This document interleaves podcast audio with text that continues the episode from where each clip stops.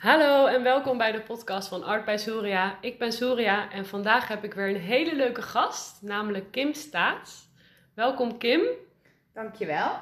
Jij hebt een heel leuk boek geschreven, Het Leed dat Liefde heet. Dat klopt. En daar ga ik jou vandaag even lekker eh, over aan de tand voelen. Leuk. welkom, welkom. Dankjewel. Um, allereerst, hartstikke leuk. Hoe is het eigenlijk uh, ontstaan, jouw boek Het Leed dat Liefde heet? Um, eigenlijk was ik gewoon best wel veel aan het daten. En vond ik het leuk om die verhalen op te schrijven. En die schreef ik eigenlijk gewoon voor mezelf op op de laptop, die tikte. En soms deelde ik het dan met vriendinnen. Mm En op een gegeven moment dacht ik, nou, misschien is het leuk om er een boek van te maken. En toen ben ik de hoofdstukken gaan beschrijven die ik wilde. En aan de hand van de hoofdstukken ben ik de verhalen gaan schrijven. En toen heb ik eigenlijk nog een hele tijd gewoon op mijn laptop gestaan. Omdat ik niet per se wist of ik er ook echt een boek van wilde maken. Maar toen dacht ik, nou, ik probeer het gewoon een keer te sturen naar een uitgever. En dan zie ik het wel. En nu is er een boek. Ja, super tof dat dat zo kan, hè? Ja. Dus eigenlijk uh, je eigen ervaringen die je gewoon hebt gebundeld, eigenlijk gewoon om het, nou ja, kwijt te raken of uh, ja. een beetje een uiting. Ja.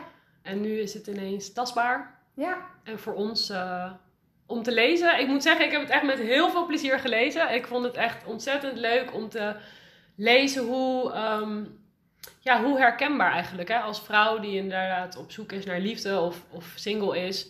Um, nou ja, je hebt het echt uh, zo kwetsbaar en zo herkenbaar eigenlijk opgeschreven. De, de leuke dingen, maar ook de pijnlijke dingen.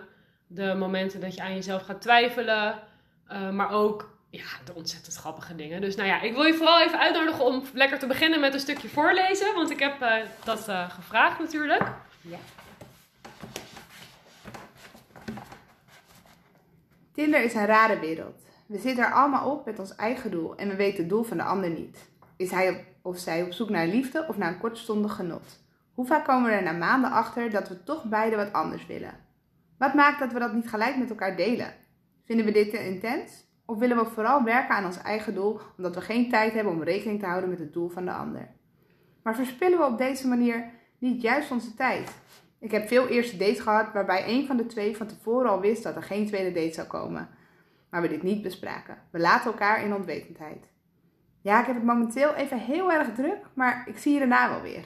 App mij anders even als je ook weer tijd hebt. De tijd verstrijkt en we weten beide dat we elkaar niet meer gaan zien. Waarom kunnen we niet gewoon gelijk eerlijk tegen elkaar zijn? Waarom de ander te kwetsen? Kwetsen we de ander dan alleen maar meer? Of zijn we niet eerlijk omdat we onszelf willen beschermen en toch nog iets achter de hand willen houden voor als we er uiteindelijk toch niet uitkomen? Ja, nou dat vond ik echt super. Um, ja, waar, wat mij is vooral, waarom het voor mij zo heel erg herkenbaar is, is echt, ik, ik noem het ook wel eens de magnetron uh, ja, generatie. Weet je wel, wij zijn echt een generatie die alles gewoon instant, instant satisfaction wil. Uh, we willen niet uitgebreid koken, want we willen gewoon lekker iets in de magnetron kunnen douwen we willen dus ook niet uitgebreid uh, iets opbouwen met een ander. Want als het met hem niet werkt, dan swipe ik toch gewoon de volgende Ja. naar rechts. En dan kan ik daar wel vinden wat er te halen valt.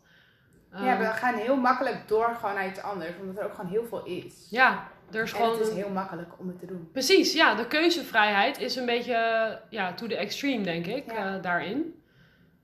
Ja, heel herkenbaar. Eh, maar ook wel weer grappig. Want Ja. het, het is dus, hè, en dat vind ik zo mooi aan hoe je schrijft. Het is met een flinke korrel zout. Ehm, Ja. Sta je altijd zo in het leven? Hoe, hoe is dat in het dagelijkse... Ja, ik denk dat ik wel gewoon ook in het dagelijks leven gewoon heel veel sarcastische opmerkingen maak en heel sarcastisch ben. Dus eh, ja, dat komt denk ik ook in de grappen in mijn boek goed Mhm. naar voren. Ja, ja. Ja. Het is natuurlijk ook een manier om te relativeren. Ja. Want hè, het leed dat liefde Ja. heeft, dat klinkt nou vrij zwaar. ja, ja. Nou, en ik denk ook wel, kijk, aan de ene kant is het natuurlijk heel mooi, maar het heeft ook gewoon heel veel moeilijke kanten. En dat is denk ik wat er, ja, dus- en het is ook een beetje een grap. Ja. Ja, dus ja, het past denk ik heel goed erbij. Ja, zeker, zeker. Nee, het is echt, dat zeg ik. Ik heb echt uh, nou ja, een soort rollercoaster van emoties uh, gehad terwijl ik het boek las. Ja. Uh, heel veel herkenning, veel lachen, maar ook inderdaad wat kwetsbare momenten. Ja. Um, je benoemt dus ook inderdaad in een van je stukken, in een van de eerste stukken, dat je het lastig vond in je relatie om kwetsbaar te zijn. Ja. Maar dan vervolgens gooi je alles in een boek. Ja. Hoe zit dat dan? Nou, ik vind het ook echt heel erg lastig om kwetsbaar te zijn. Ik lach heel veel dingen eigenlijk graag weg. Mm -hmm. um, Maar ik heb wel geleerd dat je dus wel kwetsbaar moet zijn om ergens te kunnen komen. Dus ik probeer dat wel veel meer te doen, ook al vind ik het wel heel erg lastig. En ja, ik had dus het boek geschreven om het allereerst niet met iedereen te delen. Dus het was niet uh, van ik ga mezelf heel erg kwetsbaar naar de hele wereld, uh, naar iedereen toe opstellen. Het was gewoon, ja oké, mijn vriendinnen weten dit. En uiteindelijk, wat ik wel wil bereiken, is dus inderdaad dat mensen zich erin herkennen. En dat ze weten van, oké, ik ben eigenlijk helemaal niet alleen. Want je hebt altijd, denk ik, heel vaak het gevoel van... Ja, het ligt aan mij en het, het werkt niet. En waarom heb ik dit alleen? En met mijn boek wilde ik wel bereiken dat mensen dus lezen en denken van... Oké, ik ben er niet alleen in. Dus daarvoor moest ik me ook wel kwetsbaar opstellen, zodat andere mensen dat ook konden voelen. Ja, ja nou super tof. En ook wel heel stoer, denk ik. Ja. ja. Dat is ook wel heel moeilijk. Ik heb wel een tijdje nog bedacht om het niet onder mijn eigen naam uit te geven. Mhm. Maar toen uiteindelijk het boek er was, was ik stiekem ook wel gewoon trots dat ik een boek had geschreven. Dus toen dacht ik, ik ga het toch onder mijn eigen naam doen. Ja, super tof. En wat zijn de reacties? Ik denk alleen maar toffe reacties. Ja, inderdaad heel veel reacties dat mensen het heel stoer vinden hoe ik uh, mezelf kwetsbaar op wil stellen. Inderdaad veel reacties dat mensen zich erin herkennen. En inderdaad ook, ja, dat het ook heel grappig is om toch te lezen. Ja, ja, dus missie geslaagd. Ja, ja super nice. Ja. En hoe lang, hoe lang heeft het geduurd eigenlijk, dat proces? Want je zegt, je bent inderdaad gewoon begonnen met, uh, ja, eigenlijk uh, grappige stukjes te schrijven over je ervaringen en dat te delen met je vriendinnen. Ja. Hoe lang is het proces geweest van aanloop tot en met nu het boek Het Leed dat Liefde heet? Mm, ja, ik weet die verhalen zijn denk ik wel echt een paar jaar geleden, over de jaren heen, dat ik dan soms een verhaaltje uh, schreef, maar daar niet zoveel mee deed. Maar echt dat ik het ging bundelen, dat was vorig jaar februari of zo is dat begonnen. Dus het heeft uh, ongeveer een jaar geduurd uh, van het beginnen van het verhaal tot uh, dat mijn boek is uitgegeven. Ja, en je wist toen ook al in februari dat je een uitgever had? Of nee, dat was toch pas daarna? Dat was daarna, oh, ja. Okay, in ja. februari ben ik gewoon het boek gaan schrijven. En dat heeft denk ik een paar maanden geduurd. Mm -hmm. En in september of augustus heb ik het naar een uitgever gestuurd. Wauw, dat is toch best wel snel gegaan Ja. dan? Een half, jaar, halfjaartje Ja, ongeveer? halfjaartje. Ja. super. Nou, het is toch ook inspirerend om Ja. dat zo te horen, inderdaad. Eh, ja, tof. En hoe zie je dat nu dan eh, voor je? Want je hebt nu dat boek inderdaad, waar we straks natuurlijk wat dieper op ingaan ook. Maar is het ook een... een, een ja, is het, is het eigenlijk altijd iets geweest dat je dacht van, nou ja, ik wil ooit een boek uit, uitbrengen? Of dat je daar... Ik weet niet of ik altijd een boek heb uit willen brengen, maar ik heb het wel altijd leuk gevonden om eh, bezig te zijn met eh, schrijven. Ik schreef eigenlijk vaak gewoon inderdaad kortere verhaaltjes, waar ik dus niet zoveel mee deed. Maar ik heb wel vaker geprobeerd om een boek eh, uit te geven of echt te schrijven, alleen dan heb ik hem nooit afgemaakt. Maar het is Mm. nooit echt het doel geweest van ik wil per se een boek schrijven. Maar om ermee bezig te zijn vind ik wel heel leuk. Ja. Ja. ja, en dat is denk ik ook zo mooi, hè? Dat je eigenlijk op een hele natuurlijke manier... En vanuit je echt, vanuit je ware zelf, vanuit je kern, dan toch uiteindelijk met een boek komt. Ja. Die eigenlijk helemaal niet zo heel veel moeite kost om te schrijven. Nee, Omdat het zo dichtbij ja, is. klopt. Ja. Had je dat verwacht? Nee, nee. Eigenlijk het moeilijkste daaraan was eh, uiteindelijk het weer allemaal kloppend maken. Want ik had alles gewoon geschreven door elkaar heen. Dus alles stond in verleden tijd, tegenwoordige tijd. Alles stond door elkaar heen. En uiteindelijk moet je het natuurlijk allemaal gewoon in één vorm eh, schrijven. Dat kost eigenlijk denk ik nog het meeste eh, tijd om dat allemaal goed te zetten. Ja, ja, nou super tof. Ja. En ehm, hoe denk je dat eh, het voor anderen is inderdaad om het te lezen? Want je zegt al, je hebt er veel mensen gehad die zichzelf erin herkennen. Heb je dat ook zo bedacht van tevoren? Of heb je zoiets gehad van, nou ja, ik laat het gewoon op me afkomen en ik geef het gewoon vorm zoals ik het wil? Ja, toen ik er echt een boek van ging maken, heb ik het wel echt ook eh, bedacht van... Als mensen het zouden lezen, dan zouden ze zich er echt moeten, in moeten herkennen. Mhm. Ja. ja. Ja, dus er zit ook wel echt een, eh, een gedachte achter. Ja. Ja, ja daarna, het is echt helemaal gelukt, denk Ja. ik. Ehm, waar ik me nog wel echt, ja, waar ik wat dieper op in wil gaan, is eigenlijk je hele proces. Hè? Want ja, het heet natuurlijk het leed dat liefde heet. Ja. Het is de zoektocht naar liefde. Waar sta je nu in je proces? Ehm, nou, wat ik wel, waar ik wel achter ben gekomen in mijn proces, is dat ik ehm veelal ergens instap zonder dat ik van tevoren weet waar de ander zit. Dus eigenlijk inderdaad wat ik net zei, eh, wat ik net heb voorgelezen, dat je met een doel bezig bent, maar helemaal niet weet of eh, de ander ook bezig is met het doel. En, ik en voorheen probeerde ik daar ook niet echt eh, mee bezig te zijn, maar liet ik het gewoon op zijn beloop en dacht ik, nou, we, we zien het wel, we voelen het wel. Eh, maar daar probeer ik nu wel iets anders in te staan. Door ook iets meer bij de ander te testen van... eh, dit is wel hoe ik erin sta.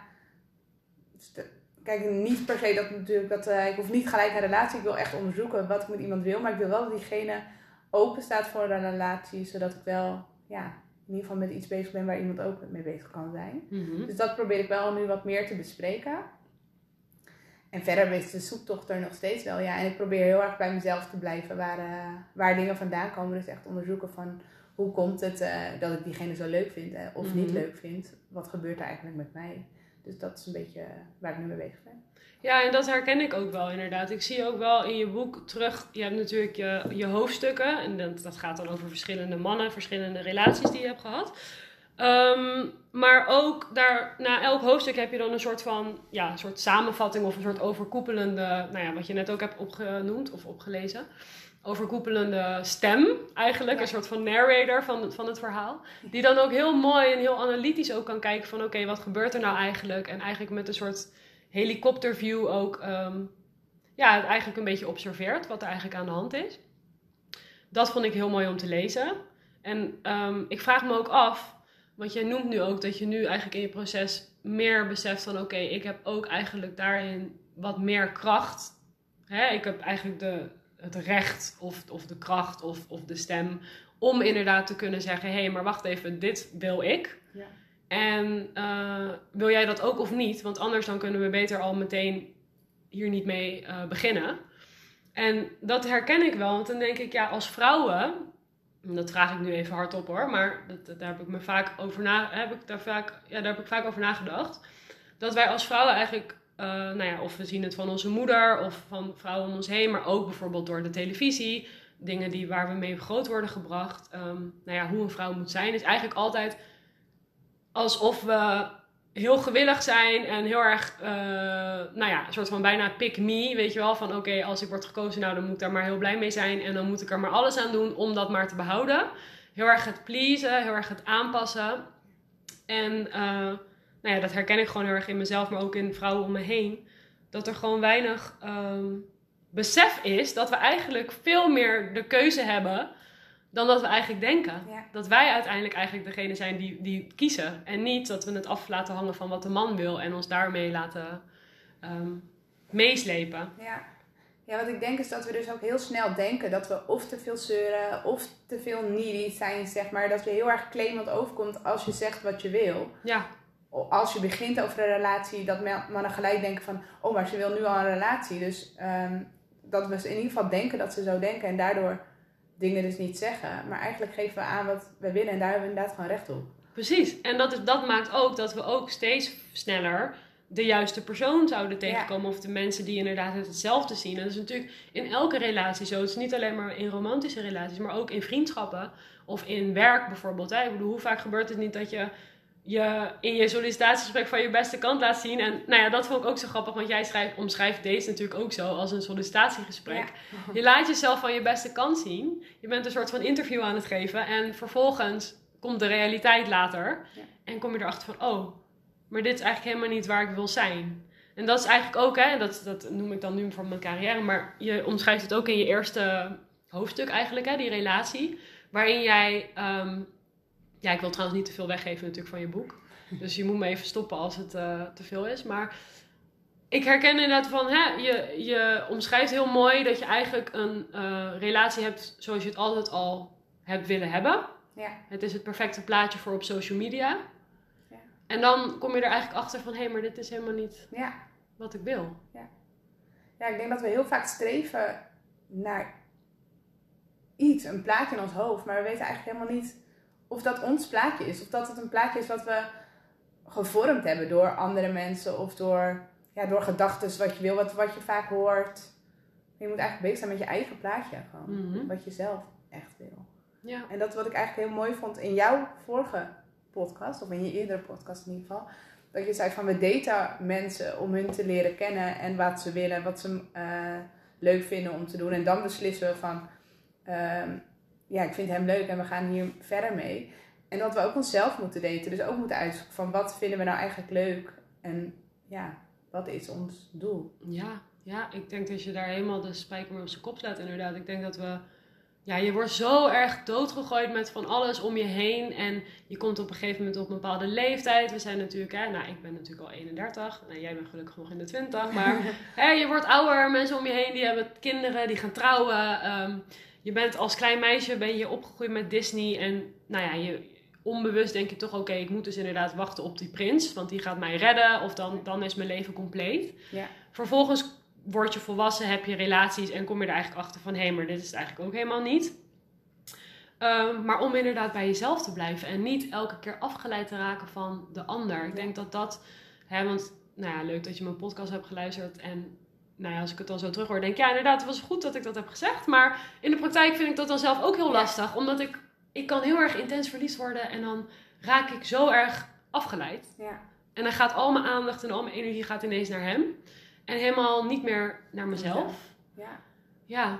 Ja, wat ik herken, bijvoorbeeld- wat ik zelf heb met, eh, en dan ben ik nog niet verliefd of zo, Mhm. maar als ik dus een date heb gehad en dan eigenlijk daarna begint gelijk vrij snel onzekerheid. Terwijl het eigenlijk helemaal nergens op slaat, maar er is nog niks aan de hand, maar gelijk denk ik van, oh, dan ben ik op zoek naar duidelijkheid. Terwijl, wat voor duidelijkheid zoek je eigenlijk? Mhm. Dat is wel een proces wat ik elke keer weer denk, huh, hoezo kom ik wel hier? Terwijl gisteren had ik deze jongen nog nooit gezien. En ja. Was er niks aan de hand? Ja, was er niks aan de hand. Hoe werkt dat in onze hersenen, zeg maar? Ja, en daar heb je ook inderdaad een stukje eh, over genoemd hè, in je boek, over inderdaad gehechtheid. En dat is inderdaad ook wel een interessant iets. Dat je dus, zodra je dus ja, dichter bij iemand komt of zo, en dat is dan vaak inderdaad in een romantische setting, bij vrienden heb je dat dan minder. Ja. Dat is ook heel raar. Ja. Dat herken ik ook. Hè. Dan denk ik, oh, ik heb echt zulke leuke vriendschappen. Al tien plus jaar heb ik vriendinnen en, en, en vrienden. En, eh, en, en in romantische relaties is het dan toch iets anders. Heel ander verhaal. Lijkt wel alsof er soort eh, twee verschillende personen in mij Ja. zitten. Die dan eh, eruit komen op het moment dat ik eh, in een relatie zit. Maar, ehm, nou ja, wat je noemt inderdaad over dat, dat je dan heel angstig wordt of hè, onzeker. Ja. Hoe zit dat dan? Heb je daar al wat meer duidelijkheid over? Of ehm, wat, wat zijn de antwoorden, Kim? Jij weet alle antwoorden. Jij hebt het boek geschreven. De antwoorden heb ik niet. Ja, ik denk wel dat het inderdaad veel te maken heeft met hechting en Ja. ehm, in, in jezelf onzekerheid. Die bevestiging die je jezelf moet geven en eigenlijk niet van een ander afhankelijk eh, Mhm. moet zijn. En daar ben ik wel ook veel mee bezig. Ik heb daarover ook een boek gelezen, Liefdesbang. Oké. vond ik zelf een heel mooi boek. En dat gaat inderdaad over bindingsangst en over verlatingsangst. Mm. En hoe dat elkaar ook versterkt. En dat je ook kan wisselen van die rol. Dus op Ja. het moment dat de een in de bindingsangst zit, dan schiet de ander in de verlatingsangst. En als de ander dan weer in de verlatingsangst zit, dan...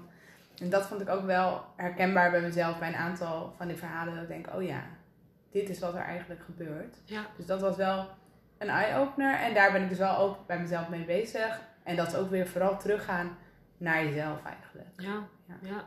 En, en waar zit dan, en dit is ook gewoon echt een oprechte vraag hoor, ik, ik bedoel, ik weet het ook niet, maar waar zit dan, zeg maar, denk je dat we ook kunnen doorschieten met constant eh, internaliseren, constant denken, oh het ligt aan mij, ik heb het niet goed gedaan, ik moet, ik moet nog wat meer mezelf helen, ik moet nog wat meer aan mezelf sleutelen, ik moet nog, hè, het kan natuurlijk op een gegeven moment ook een beetje doorslaan. Soms is het, hè, waar zit zeg maar die grens of waar zit die balans tussen oké, ik ben nog niet helemaal geheeld of ik moet hier nog aan werken, want anders dan werkt het niet in mijn relaties.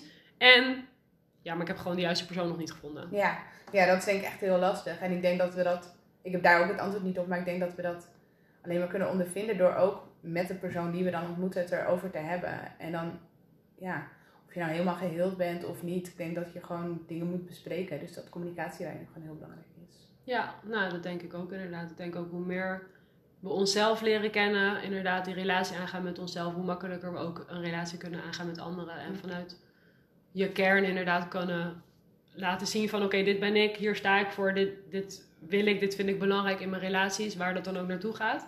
En dan kunnen kijken van oké, is het een match of niet. Ja. Ik denk het ook. En ik denk ook dat inderdaad relaties, of ze nou wel je hele leven lang duren of niet, het zijn allemaal weer leerscholen, weet je wel. Ja. Je leert er wat van. Hè? Ik, ik, ik heb het ook gelezen bij jou, dat je dan, je hebt verschillende momenten, maar ik, ik lees nooit bitterheid of ik lees nooit woede. En natuurlijk dat zullen vast wel emoties zijn geweest waar je doorheen bent gegaan op de achtergrond.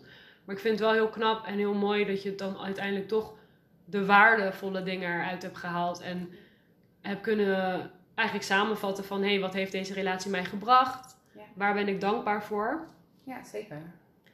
En is dat iets wat natuurlijk is voor jou om dat zo op die manier te zien? Of... Ehm, ik denk ook wel dat dat ook een proces is geweest. In het begin word je wel gewoon boos op mensen, uiteraard. Als ze gewoon stomme dingen doen, dan zijn het gewoon stomme mensen soms. Ja. Maar ik denk wel, en dat is wel ook gewoon iets door heel veel te analyseren, wat soms misschien wel overanalyseren is. Maar daardoor kan je wel wat meer mensen. Zie je dat mensen heel erg anders denken? We denken heel vaak voor iemand anders. We denken vaak dat iemand iets denkt vanuit onze eigen Mhm. eh, denkwijze. Wij hebben onszelf. Ja, wij hebben onze eigen denkwijze en je denkt, of denkpatroon. En je denkt dat de ander ook zo denkt. Maar diegene heeft vaak hele andere manieren. Door eh, opvoeding, door hoe diegene is, door ja.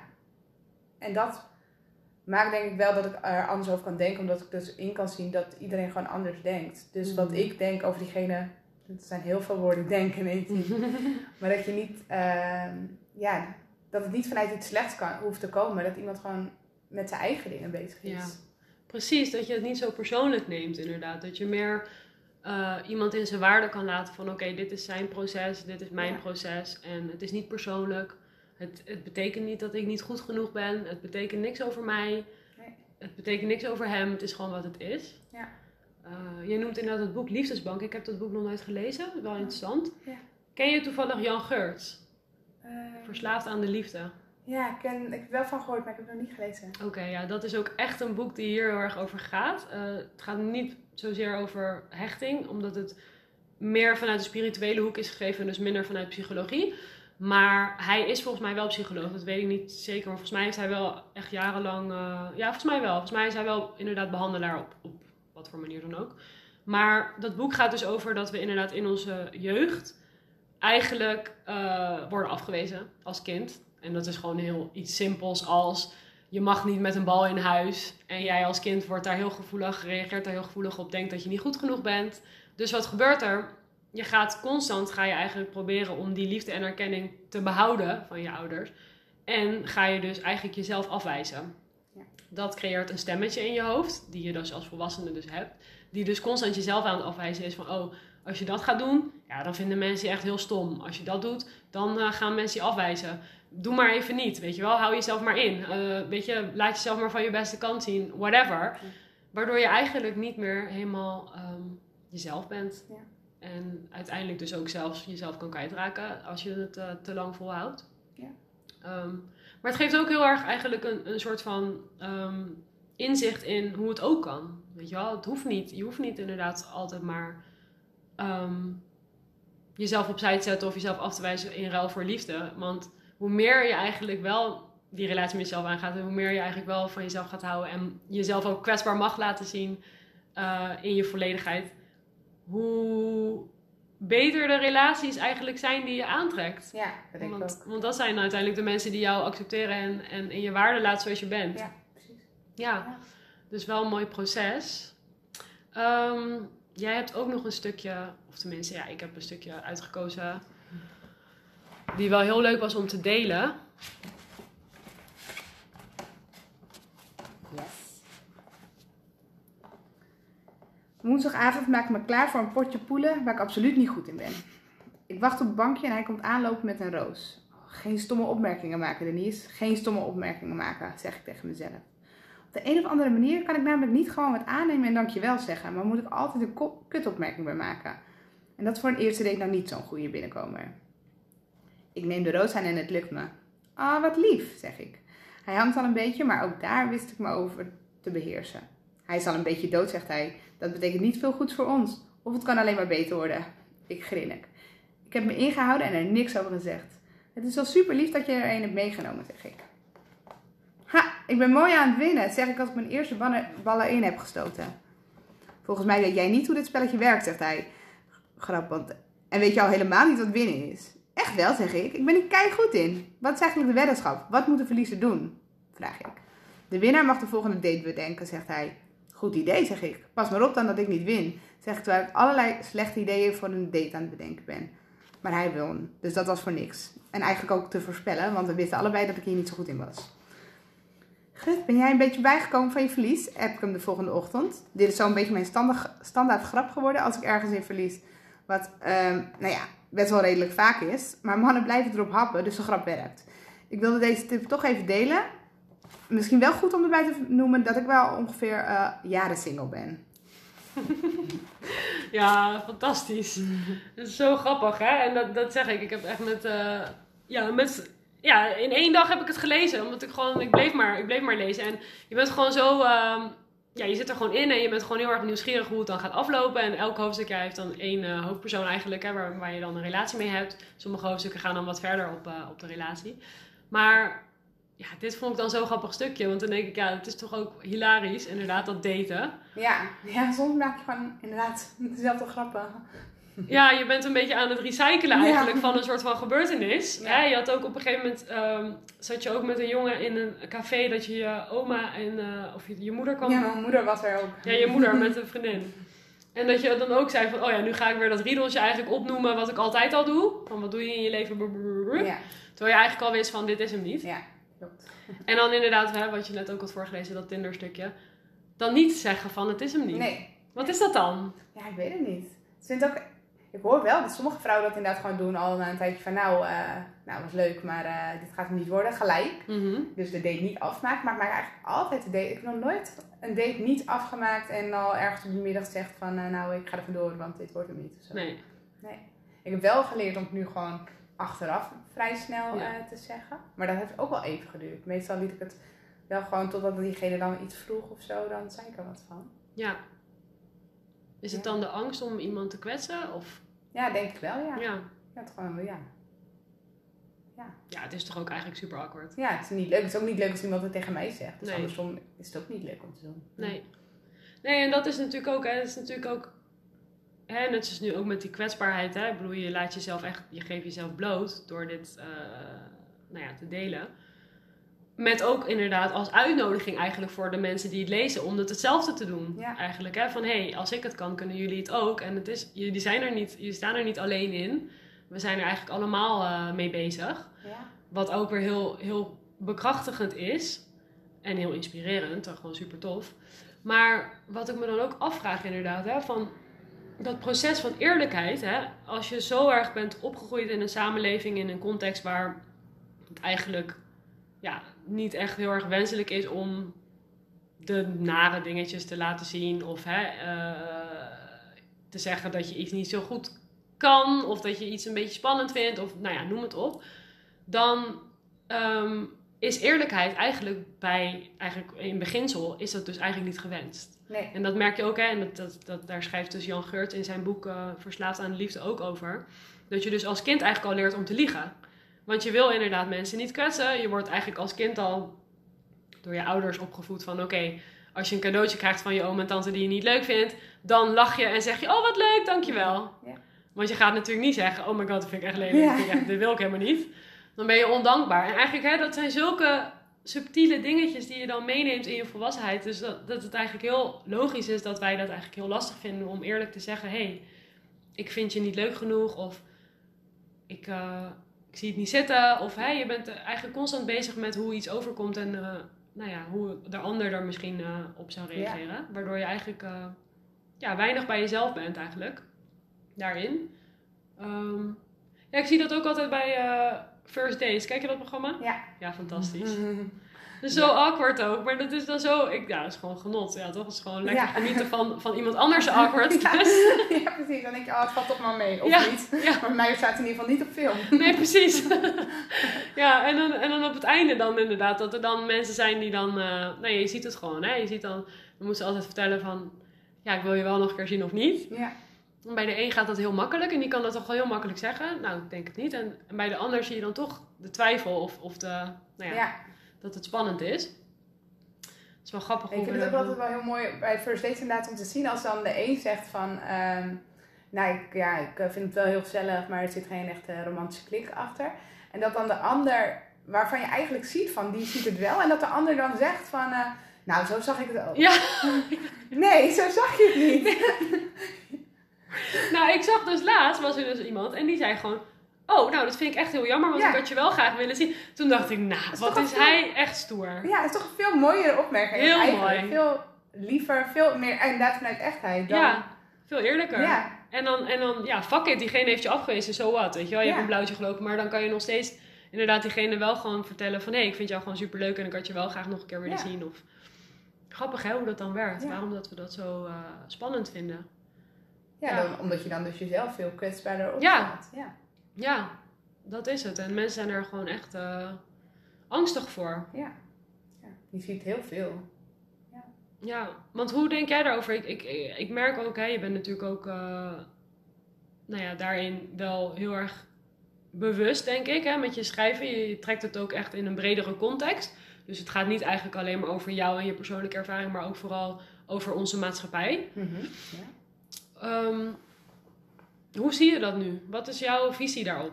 Op kwetsbaarheid in de samenleving en... ehm, Ja, ik, ik vind het echt iets heel moeilijks. Ik vind, het echt een, ik vind het heel moeilijk om mezelf kwetsbaar op te stellen. Maar ik denk wel, inderdaad, dat als je iets wil bereiken, dat het echt moet eigenlijk.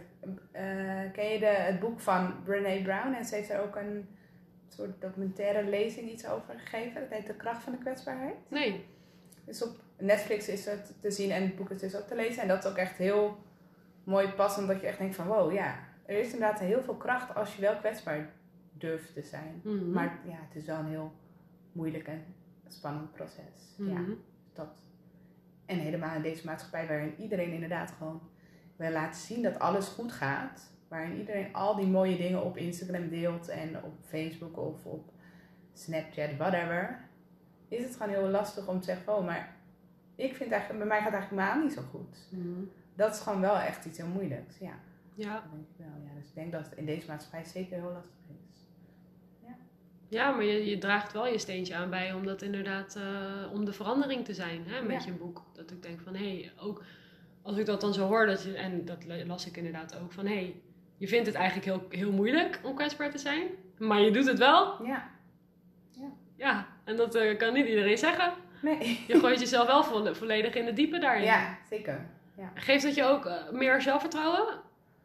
Hmm, weet niet, ik ben wel echt trots op dat ik het kan Ja. doen, zeg maar. En Ik hoor ook van mensen die me wel kennen, maar die me niet zo heel goed kennen. Van, wow, ik zie echt een andere kant van je die ik helemaal niet van je ken. En dat vind ik wel ook weer iets moois dat ik dat heb kunnen laten zien of zo. Mhm. Ja, want nu noem je iets. Hè? Je hebt ook een van, eh, van de mannen in het boek. Ehm, nou weet ik natuurlijk niet meer hoe die heet. Maar die, eh, het mooie aan hem was, hij was wat ouder. En eh, hij, eh, dat was de, ehm, de verboden vrucht. Ik weet Ja. even niet meer hoe die heet. Maar goed, die was wat ouder en die kon heel mooi jou eigenlijk zien in een bepaald licht. Zoals je jezelf eigenlijk niet, eh, Ja. niet altijd zag. Ja.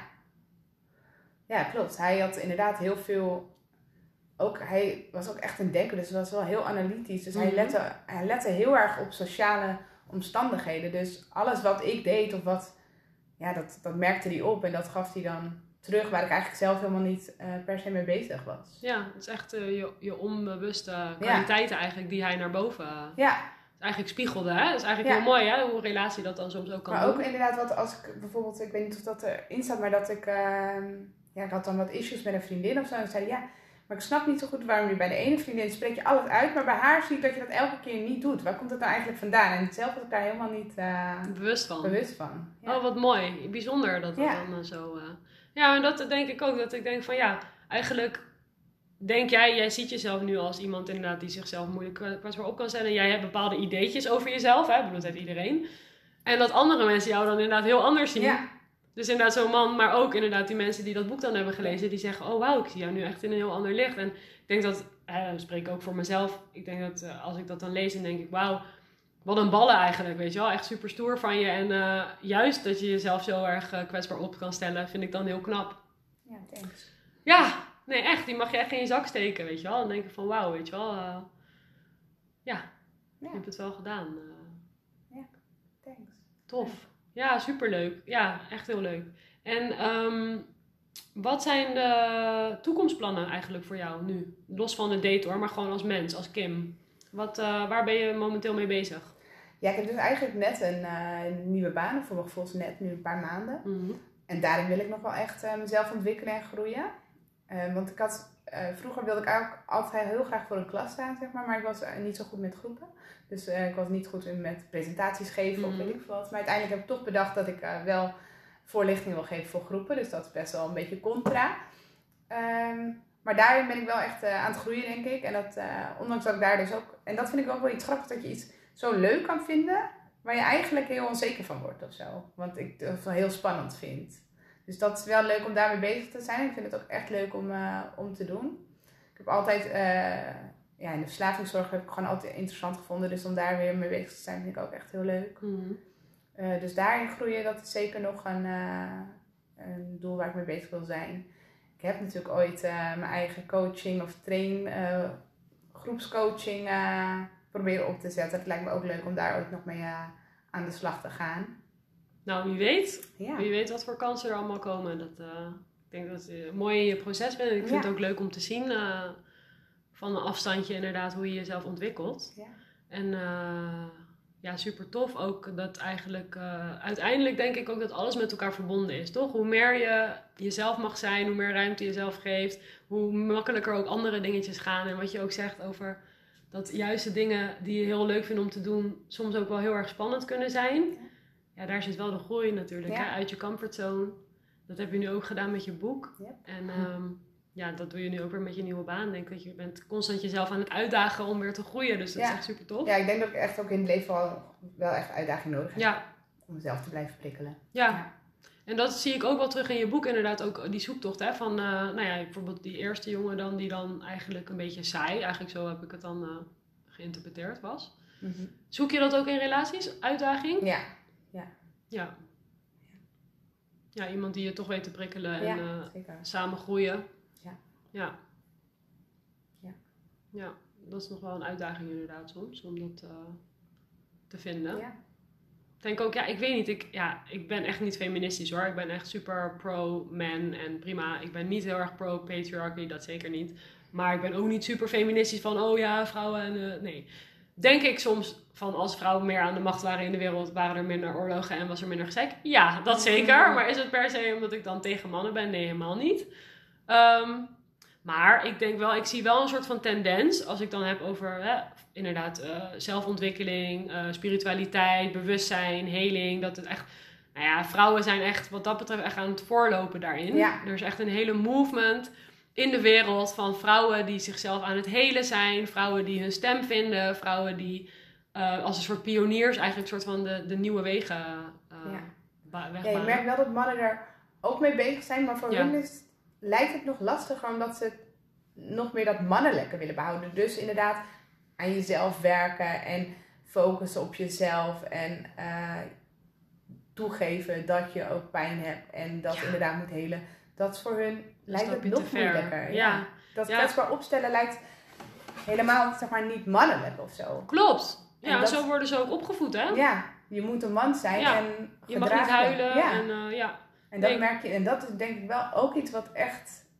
Ze moeten ook aan zichzelf werken. Want Ja. ze hebben ook heel vaak toch dingen met zich meegebracht, zeg maar. Klopt, en, en inderdaad alleen maar heel succesvol zijn met een mooie auto en een mooi huis en, en geld, dat is hem niet. Nee. Uiteindelijk heb je toch die leegte en ga je toch jezelf elke keer tegen dezelfde stenen aanstoten. Ja. Ja, dat is nog wel een dingetje. Ik denk ook dat daarin. ehm, Ik hoor mannen ook, sorry, heel vaak zeggen van... Ja, maar ik doe het al jaren zo. Ja. En dan vraag ik ook terug aan ze... Maar word je er gelukkig van? hmm, En eigenlijk zegt ze nooit ja. Dus dat is best wel interessant Ja. dat ze dat wel weten. Maar toch, het is een patroon die ze al doen. Dus ze blijven het gewoon En doen. ze weten het ook niet beter Nee. en ze weten ook niet waar ze moeten beginnen, vaak, denk Nee. ik. En ik denk ook dat mannen, wat dat betreft, wat minder natuurlijk ook eh, rolmodellen hebben om zich heen. Of ook überhaupt niet alleen als, weet je, familie, maar ook gewoon op social media of op, op eh, internet of tv, whatever.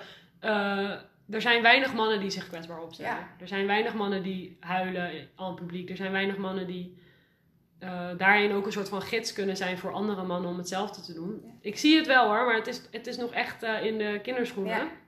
Ik denk dat vrouwen daar inderdaad wat verder in zijn. Maar het lijkt me wel ook tof om inderdaad, eh, ja, misschien daarin iets, ja, ik weet niet. Ik zit daar ook soms aan te denken, hè, weet je, even, denk ik even hardop hoor, maar ook gewoon met die podcast. Dat ik denk, ja, het lijkt me ook heel leuk om inderdaad met een man een keer aan tafel te zitten en Ja. met een man een keer een gesprek te hebben daarover. Ja. Maar ik merk dan toch dat het lastiger is of zo. Of dat het je vindt ze moeilijker en ja, er zijn gewoon zoveel sterke, toffe, mooie vrouwen die gewoon echt ontzettend goed bezig zijn eh, daarin. Maar mannen, als jullie luisteren, jullie zijn welkom. Ja, leuk. Stuur me een berichtje. oh, nou, Kim, hartstikke bedankt voor deze mooie, ja, dit mooie gesprek. Dit, Jij ook bedankt. Ja, hartstikke bedankt voor je kwetsbaarheid, je openheid. Zijn er nog, is er nog, wil je nog iets meegeven aan de luisteraar? Zijn mensen die er nu naar zitten te luisteren en zichzelf daarin herkennen, in, misschien in het liefdesleven, maar ook misschien in het stukje kwetsbaarheid? Ehm, zijn er misschien tips of dingen die je als advies kan meegeven aan mensen die, uh, die daarmee uh, worstelen? Ik denk dat we het wel, wel een beetje besproken hebben. Ik denk dat het gewoon echt een proces is. Dat mensen moeten weten dat ze niet alleen zijn. En dat je gewoon veel bij jezelf moet blijven. Dat Ja. is denk ik gewoon het, ja, de kern. Mhm. En ehm, schrijven heeft, jou, heeft het jou ook iets gebracht? Ja, schrijven van- helpt sowieso echt Ja. heel veel. Ja. Ja. ik vind het heel fijn om dingen uit te schrijven. Ja. En Ook daardoor voor te jezelf. relativeren. Ja. Ja. Ja. Nee, eens hoor. Dat, eh, ik denk dat dat voor iedereen goed is. Om Ja. desnoods gewoon een dagboek bij te houden of wat dan ook. En dat verschilt misschien per mens. Ja. Maar ik denk dat iedereen wel een bepaalde uiting nodig heeft. Dat kan of met schilderen zijn, of met schrijven zijn, met muziek maken. Sommigen houden misschien vooral van praten. En zoek uit wat voor jou werkt. Mhm. Ja, dat is denk ik ook wel. Ja, precies. Inderdaad. Heel veel mensen denken, oh, ik ben bijvoorbeeld ook, ik ben niet creatief. Als, ze dan, als ik dan met ze praat van, ik ben helemaal niet creatief. Ik zeg, hè, maar je kookt toch elke avond bijvoorbeeld? Ja, maar dat is toch anders? Nee, dat is toch ook creatief? Weet je wel, Ja. als jij een gerecht in elkaar kan flansen, ik vind het super knap, weet je wel. Niet iedereen kan dat. Iedereen heeft zijn eigen creativiteit, inderdaad.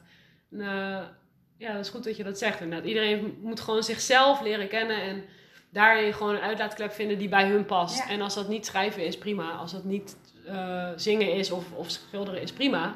Ja, Figure it out. Ja. Ja, nee, mooi advies, dankjewel. Zijn er nog, ehm, hoe zeg je dat? Je social media en zo, dingetjes waar mensen jou kunnen volgen? Ja, je kan me opvolgen op eh, Facebook en dan is het gewoon Kim Staats. Mhm. Of op Instagram en dat is Kim, maar dan met drie M'en en vier S'en. Ja? En that's it, denk ik. Oké, top. En waar kunnen ze je boek eh, kopen? Ja, dat kan via Bookscout. En Oké. eh, boek gewoon als in het Nederlands. Dus, en dan scout met een zee. En, Mhm. dan .nl. en dan kan je gewoon zoeken op het leed dat liefde heet. En dan kan je het gewoon kopen. Superleuk, nou Ja. hartstikke bedankt voor het komen. En eh, ik ga jou ook even jouw, ehm, jouw Instagram ga ik even in de, in de naam, in de titel zetten van deze episode, zodat mensen jou makkelijker kunnen vinden. Ja, fijn. Oké, nou dankjewel. Thanks. Doeg! Leuk, doei.